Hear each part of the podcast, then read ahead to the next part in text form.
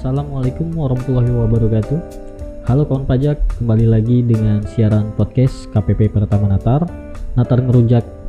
Kali ini kita punya info menarik mengenai salah satu aturan terbaru yang masih terkait dengan insentif COVID-19 yang harus segera dicari tahu nih dan sekalian dipelajari oleh kawan pajak semua khususnya bagi pemilik properti atau pemilik bangunan ya.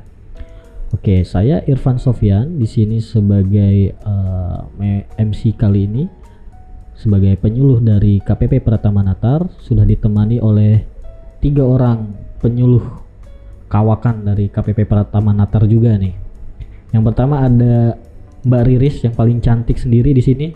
Apa kabar Mbak Riris? Halo Mas Bang Kinceng, kabar baik. Sehat ya? Sehat. Ya, bebas Covid ya. Pernah covid. Pernah covid. Baik. LC LC. LC. Yang kedua ada Bang Chandra nih. Apa kabar Bang Chandra? Halo Bang Kinceng. Uh, Alhamdulillah kabar baik. Kabar baik ya. Uh, suaranya agak serak. Lagi sakit apa gimana ini? Biar seksi bang. Biar seksi. Tapi tetap sehat ya. Alhamdulillah sehat. sehat. Dan yang terakhir ada koordinator kita yang paling senior ya. Ada Pak Dwi Haryanto. Apa kabar Mas Dwi? Mas apa Pak ini? Mas. aja lah, Mas. Mas aja ya. Oke, Mas Dwi. Sehat ya Mas Dwi? Alhamdulillah sehat, Bang Alhamdulillah. Ya Mas Dwi, uh, kali ini kita mau bahas tentang PMK 102 yang mengenai PPN atas penyerahan jasa sewa ruangan atau bangunan kepada pedagang eceran yang ditanggung pemerintah. Nah, kira-kira ini insentif apa lagi sih Mas Dwi? Oke, baik. Terima kasih Bang Kinceng.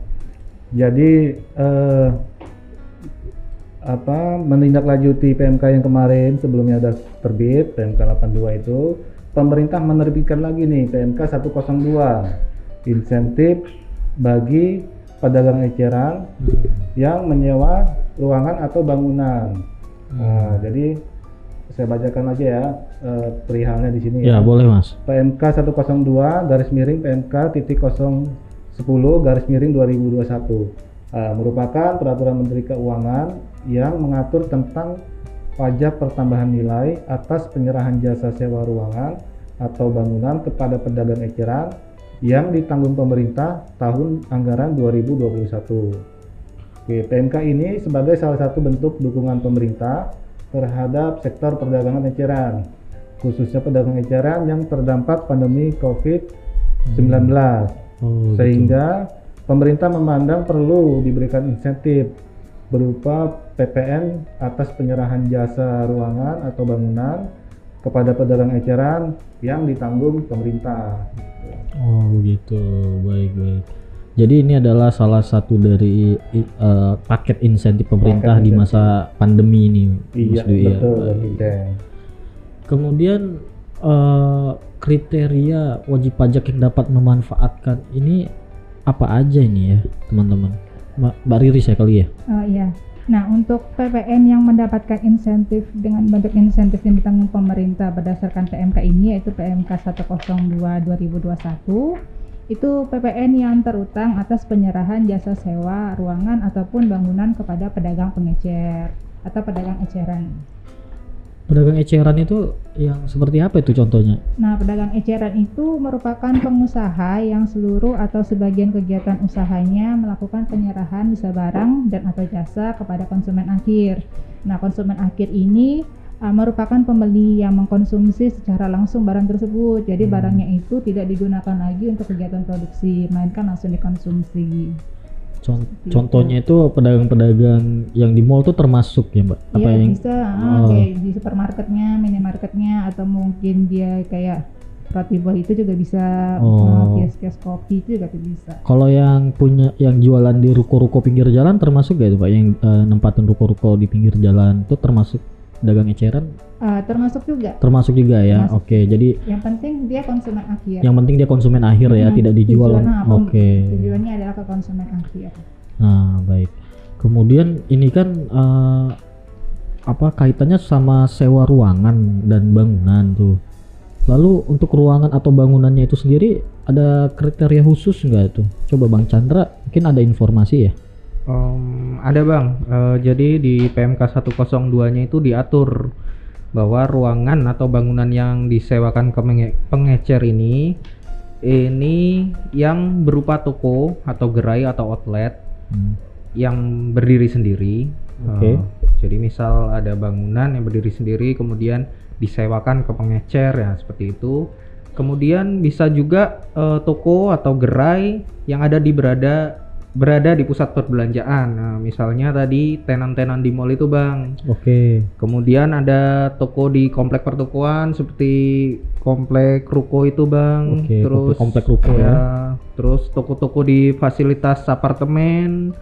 eh, terus ada bangunan atau ruangan yang disewakan di hotel, rumah sakit, fasilitas pendidikan, fasilitas publik, fasilitas perkantoran. Itu juga termasuk, Bang, kalau ada bangunan ruangan yang disewakan ke pe- apa pedagang pengecer. Kemudian juga termasuk eh, tempat-tempat atau ruangan eh, yang disewakan di pasar rakyat. Oke. Itu eh, cakupannya bang untuk ruangan bangunan yang disewakan ini. Sudah termasuk eh, fasilitas publik ya. Kayak sekarang kalau kita lihat eh, di rumah sakit atau hotel sudah ada gerai kopi malah ya. Iya bener. Kalau eh, gerai yang kayak di Kanwil kita itu itu termasuk nggak pak yang disewakan yang dulu ada jualan kopi itu termasuk eh, disewakan ke pengecer atau enggak itu? Saya ini pendapat pribadi saya ya. Oh iya gimana Ah, mas? Karena kita ini kan instansi pemerintah ya, di mana setiap kita menyewakan tanah dan bangunan itu masuknya ke PNBP namanya, penerimaan PNBP. negara bukan pajak. Bukan pajak, oke. Ah, dan satu lagi kita pun juga belum ditetapkan jadi PKP kan. Oke. Ya, kalau menurut pendapat saya sih sepertinya tidak di bukan termasuk Oh seperti ti- tidak itu. termasuk Nah, gitu ya? Oke. Nah, mungkin ini yang dimaksud perkantoran eh, perkantoran swasta mungkin. Kantoran barangkali, swasta. Iya. ya. Jadi mereka yang menyewa-nyewakan eh, ke pedagang-pedagang eceran di, di komplek perkantoran, Perkantoran mereka swasta, ya, iya, iya. perkantoran swasta. Baik, untuk eh, ini kita ngomonginnya ini masih paket insentif ya. Eh, kalau PMK 82 kemarin kan eh, diperpanjang sampai Desember. Sedangkan kalau PMK 102 ini sendiri gimana nih, Mbak Riris? Iya benar tadi seperti kata Bang Kinceng ya kalau untuk PMK 82 kemarin kan diperpanjang tuh dari Juli sampai dengan Desember 2021. Nah untuk PMK yang 102 ini dia ditanggung pemerintahnya atas penyerahan jasa sewa ruangan atau bangunan kepada pedagang eceran untuk sewa bulan Agustus sampai dengan Oktober 2021. Nah tiga bulan aja ya Agustus, September, Oktober. Yang mana untuk biaya sewanya itu ditagihkan di bulan Agustus sampai dengan November 2021 gitu. Jadi eh, ini hanya berlaku untuk Agustus sampai Oktober ya? Iya Ya. benar Bang Kinceng. Eh, ini jadi agak pertanyaan juga ya, kenapa nggak sampai Desember gitu ya Mbak? Ya mungkin diharapkan keadaan ekonomi kita udah pulih kali Iya, ya. Allah, semoga amin ya segera. Jadi eh, PMK ini diterbitkan ya ada doa juga di dalamnya kali ya. Iya. Ada harapan. ada harapan Pak ya. Iya. Jadi teman-teman itu ya eh, diingat dan dicatat untuk PMK 102 ini ada diberikan untuk PPN yang terutang atas sewa bulan Agustus sampai dengan bulan Oktober tahun 2021 yang ditagihkan di bulan Agustus 2021 sampai dengan November 2021 gitu ya Mbak Riris ya. Iya benar banget Bang Kinceng. Oke. Kemudian untuk wajib pajak yang ingin memanfaatkannya eh, gimana caranya nih Mas Chandra? Em, jadi diatur di pasal 4 PMK 102-nya, Bang. Eh, jadi ini walaupun yang dapat fasilitasnya adalah yang menyewa ya, eh, tapi di sini yang eh, yang mengajukan ini pengusaha kena pajaknya, Bang. Oke. Jadi di sini pengusaha kena pajak ini di pasal 4-nya ini punya kewajiban eh, yang pertama itu membuat faktur pajaknya, Pak. Buat Eh, Bang. ya wah, Bang. sering salah. Terus yang kedua ini ada membuat laporan realisasi PPN ditanggung pemerintah. Jadi ada dua kewajiban di sini untuk PKP yang melakukan penyerahan jasa sewa ruangan atau bangunan kepada pedagang eceran. Nanti untuk berikutnya eh, mungkin ada penjelasan lebih detail lagi ya. Jadi ini eh, diawali oleh PKP-nya ya, Bang ya. Jadi benar. PKP-nya yang harus eh, membuat faktur dan membuat laporan realisasi, bukan wajib pajak yang menerima man- manfaatnya ya berarti Iya, ya. iya Oke. benar Bang. Jadi menerima manfaatnya adalah wajib pajak yang membuat faktur dan buat laporan realisasinya PKP-nya. Nah tadi kan buat faktur, kemudian buat fakturnya ini gimana ya, Mbak Riz? Nah, untuk kode fakturnya itu ada kode faktur tersendiri. Kan biasanya itu kode fakturnya nomor satu tuh kalau misalnya dia PPN-nya ditanggung oleh si Iya. PKP-nya. Oke, iya benar. Nah, aduh maaf. Nah, karena ini dia ditanggung pemerintah, jadi kode fakturnya itu 07. 07, 07, ini oke. kode faktur yang digunakan untuk transaksi yang mendapatkan fasilitas tidak dipungut atau fasilitas ditanggung pemerintah. Nah, selanjutnya tuh di dalam pembuatan fakturnya itu harus mencantumkan keterangan kalau PPN tersebut ditanggung pemerintah eksekusi PMK 102 dengan memilih cap tersebut pada aplikasi e-fakturnya. Oke. Nah, apabila di aplikasi e-fakturnya ternyata belum ada, harus sinkronisasi cap terlebih dahulu. Oke, baik. Nah, lalu yang ketiga, dia harus mencantumkan juga tuh sewa ruangan atau bangunan serta keterangan lokasi dan juga bulan sewa pada kolom nama jasanya. Oke. Nah, jadi tiga ada tiga ketentuan ya dalam pembuatan fakturnya. Iya.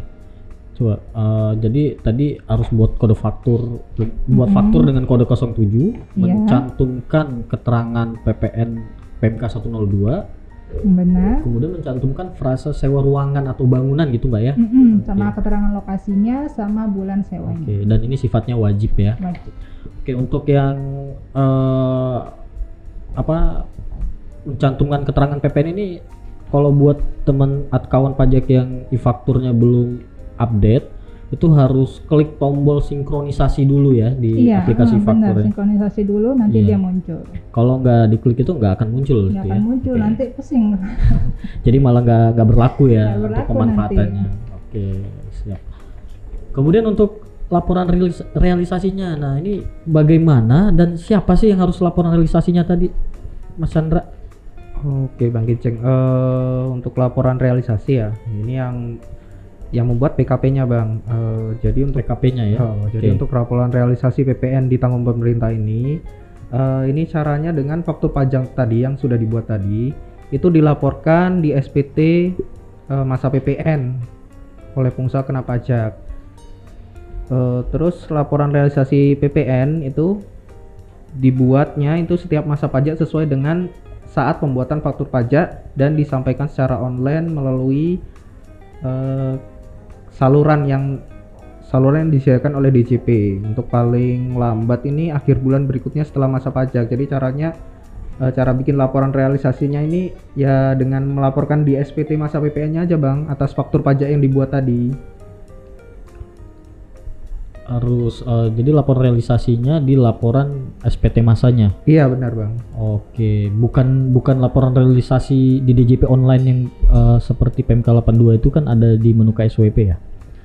Oh bukan bang, Bukan kalau ya? di sini eh, cukup dengan melaporkan SPT masa PPN itu udah dianggap sebagai laporan realisasi eh, PPN ditanggung pemerintah bang. Jadi laporan SPT masa PPN itu dianggap sebagai laporan realisasinya. Jadi malah lebih simpel ya. Ya, lebih Jadi Bang. tidak tidak harus eh, pindah aplikasi untuk laporan lain lagi. Hmm, Oke. Ada Bagi kawan pajak yaitu eh, diingat ya dicatat untuk laporan realisasi untuk PMK 102 ini cukup dengan laporan SPT masa PPN-nya di eh, masa yang bersangkutan. Oke. Eh, bisa saya ambil kesimpulan PMK 102 garis miring PMK 10 garis miring 2021 ini tentang PPN atas penyerahan jasa sewa ruangan atau bangunan kepada pedagang eceran yang ditanggung pemerintah tahun anggaran 2021. Untuk dapat memanfaatkannya, kawan pajak harus menggunakan faktur pajak yang sesuai yaitu kode 070 dan dibubuhi cap PPN ditanggung pemerintah pada aplikasi e-faktur dan melaporkan laporan realisasi dalam su- surat pemberitahuan pajak masa PPN sesuai saat pembuatan faktur pajak. Oke, ada yang mau ditambahkan lagi nggak nih kira-kira? Em, ada sih bang, Eh, itu ada ketentuan kalau PKP itu tidak menerbitkan faktur, Baik. eh, faktur pajak tadi dan atau tidak menyampaikan realisasi PPN ditanggung pemerintah, Baik. itu maka dianggap tidak memanfaatkan insentif tersebut. Bang. Wah, iya baik. Jadi kalau tidak eh, membuat faktur atau tidak melaporkan SPT dianggap tidak memanfaatkan ya. Iya benar. Oke. Baik, untuk kawan pajak yang ingin tanya-tanya atau konsultasi lebih lanjut terkait insentif pajak ini di lingkungan kerja KPP Pratama Natar bisa menghubungi ke mana nih?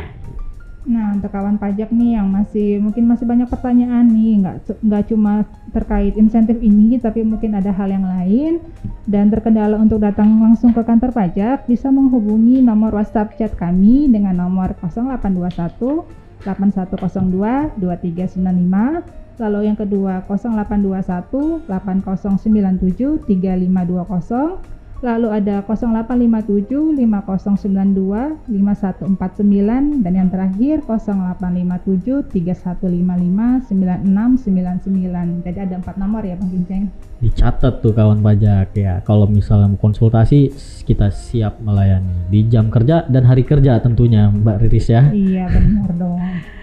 Oke, baik kawan pajak, segitu saja dulu untuk episode kali ini. Terima kasih sudah mendengarkan dari awal sampai akhir. Semoga apa yang disampaikan tadi dapat bermanfaat buat kita semua. Terutama kawan pajak para pemilik properti ya yang mau eh, disewa propertinya atau punya banyak properti gitu sebagai pihak yang berkepentingan. Terima kasih juga buat para penyuluh atas informasinya. Semoga kita semua sehat selalu ya. Kami pamit undur diri. Wassalamualaikum warahmatullahi wabarakatuh. Tadi pun sudah ngerujak belum hari ini?